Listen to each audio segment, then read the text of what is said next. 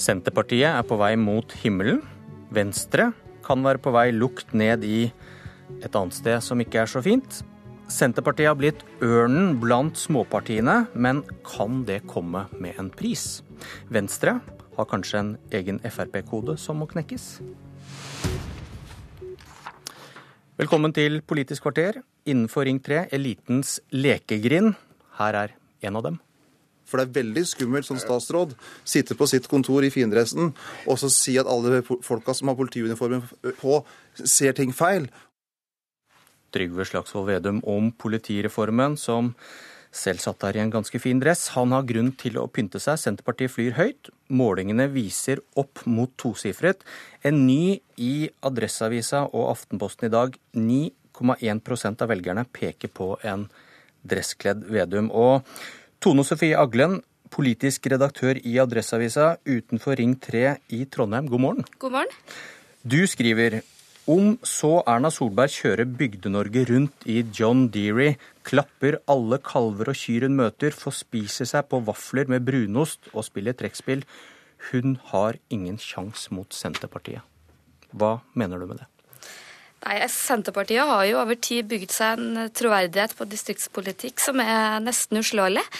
Eh, alle vet at Senterpartiet vil distriktenes vel. og eh, Senterpartiets problem er jo at vanligvis er ikke distriktspolitikk så veldig viktig i norsk politikk. Nå er den plutselig det, og det skyldes jo at mange oppfatter at eh, regjeringens politikk, og ikke minst alle disse reformene, tar landet i en retning som utkantene taper på. Jeg tror man liksom faglig kan argumentere for at hver enkelt reform er fornuftig og vel begrunna, men helhetstrykket helhetsinntrykket er nok at dette er dårlig nytt for utkantene. Og vi har jo lenge sett i Trøndelag hvor eh, distriktspolitikk, eh, jordbruk eh, står sterkt, at Høyre sliter med å posisjonere seg. Og da har ikke Erna sjans? Nei, Jeg tror nok det skal veldig mye til at Høyre vinner på saker som handler om distriktspolitikk. Der eh, både politikken deres og ikke minst troverdigheten peker nok på at der har Senterpartiet veldig gode muligheter dersom det blir viktig for folks valg, og det virker det som at det kan bli i denne valgkampen. Magnus Takvam, politisk kommentator i NRK. Senterpartiets framgang nå på alle målinger utenfor alle feilmarginer. Eh, hvordan påvirker det norsk politikk? Det påvirker eh, Hvis dette resultatet, slik det ligger an nå på målingene, skulle holde gjennom valget og ja, inn i valgkampen og inn i selve valget, så er det klart at det utløser en eh, dynamikk. Eh, for det første så er det slik at Senterpartiet nå på en måte kan bidra til å redde Arbeiderpartiet. Vi ser i hvert fall i de målingene NRK har gjort, at Senterpartiet er det partiet på den rød-grønne siden som flytter velgere over eh, blokkgrensen, og tar velgere f.eks. fra eh, Fremskrittspartiet eh, og, og, og, og, Høyre delvis også. Eh, og så er det klart at det, det får eh, det kan få den konsekvensen hvis man ser alliansen Arbeiderpartiet-Senterpartiet som regjeringspartier eh, etter valget, hvis det skulle gå mot en slik seier, så er det klart at sentrumsinnslaget i en slik eh, regjering vil være sterkere med et stort Senterparti. Og dermed vil det også få en betydning for hvilken profil en ser for seg en eventuell ny regjering Eh, etter valget, med de konsekvenser det kan ha for de andre sentrumspartiene, KrF f.eks. Når de nå nærmer seg 10 eh, av velgerne i ryggen, vil de bli behandlet på en annen måte? Det er klart. Eh, en del husker tilbake 2005, da jo SV eh, seilet eh, høyt opp på meningsmålingene og falt fram mot valget fordi de ble behandlet som et potensielt regjeringsparti og ikke som et opposisjonsparti eh, i valgkampen, og, og tapte en del av oppslutning på det. Noe av den tilsvarende effekten vil vi åpenbart få nå. Vi ser eh, Erna Solbergs motprogrammering, så å si, med reise i Distrikts-Norge for å vise at det går bra i distriktene i Norge under hennes regjering. Eh, så vil, eh, Senterpartiet vil oppleve angrep fra høyresiden og de vil oppleve tilpasning til noe av deres politikk fra andre partier. F.eks. både KrF og Arbeiderpartiet har justert uh, sin politikk uh, i, noe i retning av, av Senterpartiet, f.eks. i kommunereformen, i landbrukspolitikken osv. Ser du det samme, Kjetil Alstein, politisk redaktør i Dagens Næringsliv, at andre partier må, må, må tilpasse seg denne helt markante framgangen til eh, Vedum? Vi har jo sett det tydeligst hos Kristelig Folkeparti, som har har vært engstelig for, eh, for, konkurransen fra Senterpartiet i, i, lengre tid. Eh, vi har sett det i hvordan KrF har plassert seg i landbrukspolitikken. Vi så det da KrF i fjor valgte å ikke bli med på denne eh, sykehusplanen sammen med Høyre, Fremskrittspartiet og Venstre. Og vi har sett det veldig tydelig i kommunereformen, der de i fjor ikke ville være med på de endringene i, i, i overføringene til kommunene, der uh, små kommuner som er såkalt frivillig små, skulle, ikke skulle få denne premien for å være små lenger. Uh, det ville ikke KrF være med på, og nå er de, er de veldig Eh, veldig forsiktig med det å skulle være med på å tvangssammenslå noen kommuner i det hele tatt. Eh, Selv om de har en åpning i programmet sitt for å gjøre det. Det er, det er en stund til denne fremgangen eventuelt kan, kan, veksles inn i økt innflytelse. Det er tross alt eh, lenge til valget. Men da jeg snakket med deg i går, så reflekterte du rundt at du trodde kanskje det kunne vare? Ja, man kan jo spørre nå, er de litt for tidlig i form? Eh, det er jo lenge til valget. Eh, og hvis det var sånn at de bare hadde på en måte én sak eh, som de kjørte på, så, så kunne de hatt et problem. Eh, de har for så vidt eh, et budskap som går igjen, som er dette med eh, for distriktene og mot sentralisering. Men, men, det går igjen. de har mange ting å snakke om. De kan snakke om sykehusstruktur, de kan snakke om politiet, de kan snakke om kommunereformen, landbruk, samferdsel. Sånn at de har mye forskjellig å snakke om, og samtidig har de liksom ett budskap hele veien, nemlig sånn ja, skal vi si, make distriktene great again. Sånn at de, Det tror jeg gjør at de kan klare å gjøre et ganske godt valg.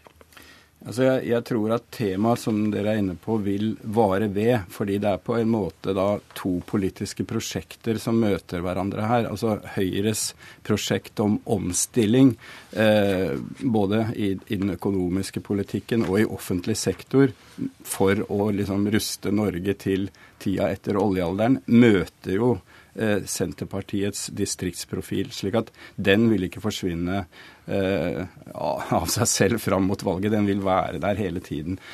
Og det er også bare for å minne om det, det faktum at vi, det har gått så lang tid siden den rød-grønne regjeringen, har jo forsterket Senterpartiets selvstendige profil. Eh, rett etter eh, valgnederlaget så var jo Sylvi Listhaug landbruksminister, og det var mye konflikt rundt landbruk. Men det for så vidt hjalp ikke Senterpartiet så mye så tett opp, opp etter den, denne rød-grønne perioden. Sånn at de er et rendyrket opposisjonsparti. I motsetning til de andre sentrumspartiene som sliter med, med alliansen med Høyre og Frp. Aglen, eh, skamløs populisme i en sympatisk innpakning, eh, skriver du i dag. Hva, hva tenker du på da? Senterpartiet har jo en egen evne til å øh, gå lenger i retorikken enn eh, mange andre kan tillate seg. I dagens avis så sier jo Ola Borten Moe at eh, nasjonalisme på norsk er en positiv kraft. Jeg ser for meg Hvis Sylvi Listhaug hadde sagt noe tilsvarende, så ville det satt Facebook i, i, fyr. Og Vi merker jo også det at selv om det er veldig mye substans i kritikken fra Senterpartiet, så har de jo også eh, spissa en, eh, en retorikk som eh, handler veldig mye om eliten i Oslo i dress, som ikke forstår folk flest og ikke bryr seg om folk flest. og De tyr jo også til en sånn eh, skape litt sånn fiendebilder og motsetninger mellom folk. Og ikke minst i denne uh, ulvesaken så så vi jo hvordan Senterpartiet lagde en propagandavideo som uh, var veldig, veldig drøy. Og, det er noe med den måten Senterpartiet er på, den måten de snakker på. De kan på en måte tillate seg å være mye mer populistisk uten at det oppfattes som like negativt og farlig som om noen andre hadde vært det. Ok, nå skal vi snakke om en som sliter under sperregrensen? Jeg sa i min landsmøtetale at vi skulle få tidenes miljø- og klimabudsjett. Og det har Venstre fått. Trine Skei Grande var fornøyd med det Venstre fikk til i samarbeid med regjeringen, men likevel, det kan se ut som Venstre er i ferd med å løsrive seg fra samarbeidet. Denne uken sa nestleder Terje Breivik til ABC Nyheter at Venstre ikke vil gå til valg på en ny samarbeidsavtale med regjeringen. Venstre har bare én plan, og den utelukker tydeligvis Frp i regjering. Magnus Takvann, betyr dette at Venstre gjør som KrF og fjerner garantien? Et borgerlig flertall skal gi en borgerlig regjering? Det kan nok hende eh, at selve landsmøtevedtaket i Venstre til slutt vil ende opp omtrent slik KrF eh, sitt ser ut til å gjøre. Eh, nemlig en blå-grønn regjering, det er deres prosjekt, uten Frp. Og altså ikke lenger denne garantien om at en seier for de fire borgerlige partiene nødvendigvis vil gi en borgerlig regjering. Men samtidig så er det helt åpenbart, tror jeg, selv om det er litt ulike stemmer i Venstre også, selvfølgelig, at Venstre sitt selvbilde er helt entydig som et borgerlig parti. Eh, og at de, eh, i motsetning til KrF kanskje, ikke vurderer denne det, det, å hoppe over til, til, Arbeiderpartiet. Så det er klart at det er et veldig sånn krevende standpunkt å ha og på den ene siden være det partiet som oftest går i strupen på Frp, og som har størst avstand i enkelte av særlig miljøsaker osv., innvandringssaker, men samtidig være de som er mest borgerlige. sånn at det gjør at Venstre har en veldig sånn krevende posisjon for å mobilisere stemmer. Aglen, hva, hva mener du er muligheten for Venstre til å snu seg mot Venstre og samarbeide i retning av eh, ja, han vi nettopp snakket om i dress, og Arbeiderpartiet?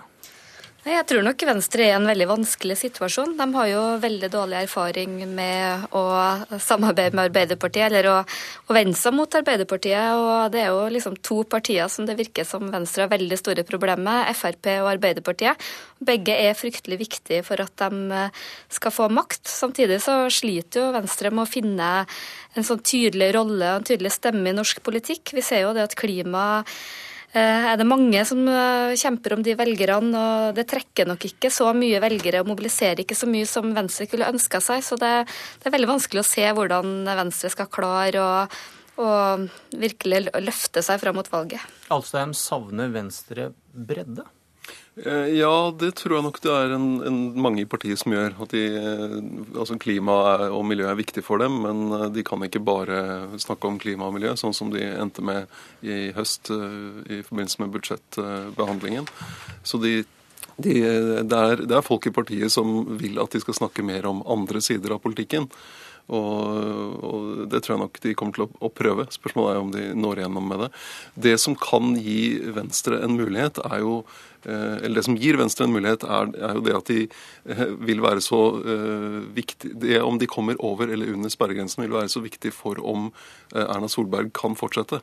Uh, havner Venstre under sperregrensen, så så ramler Solberg ganske sikkert ut av regjeringskontoret. Eh, og, mye frem mot valget, når det, når det spisser seg til og sannsynligvis vil, eh, vil være ganske, eh, ganske nært hvem, hvilken side som får flertall, så vil veldig mye handle om parti, hvilke partier greier å karre seg over sperregrensen. Ramler SV under, ramler Venstre under. Eh, sånn at de har en strategisk viktig posisjon som, eh, som kan, kan, berge dem over. Men, de, men de, de, det ser jo ikke så bra ut for dem nå. Både, både KrF og Venstre vil jo at Erna Solberg og Høyre velger bort Frp, selv om de nå sitter i regjering sammen, og heller danner en regjering med dem i sentrum. Hva, hva skal til for at det skjer, Magnus? Det må være at Frp frivillig av en eller annen grunn finner ut at de er best tjent med å være utenfor regjering, og at man har en annen konstellasjon. De aller fleste observatører tror ikke på det, men det er klart at hvis de fire partiene, borgerlige partiene får flertall, så vil eh, sentrumspartiene kreve forhandlinger om nettopp det, og eventuelt bli avvist. Og da er det klart at eh, i en sånn situasjon så vil de neppe gå med på en ny samarbeidsavtale, eh, f.eks. Men, men dette er, er, veldig, skal vi si, eh, uklart, og, og uh, ingen har, har, fasiten her, selvfølgelig. Vi vil gjerne ha klarhet. Vi spurte ledelsen i Venstre om de denne uken ville komme og snakke om både plan A og plan B. De var ikke klare til det ennå, men de får nok sjansen senere. Tusen takk. Dette var Politisk kvarter, og jeg heter Bjørn Myklebust.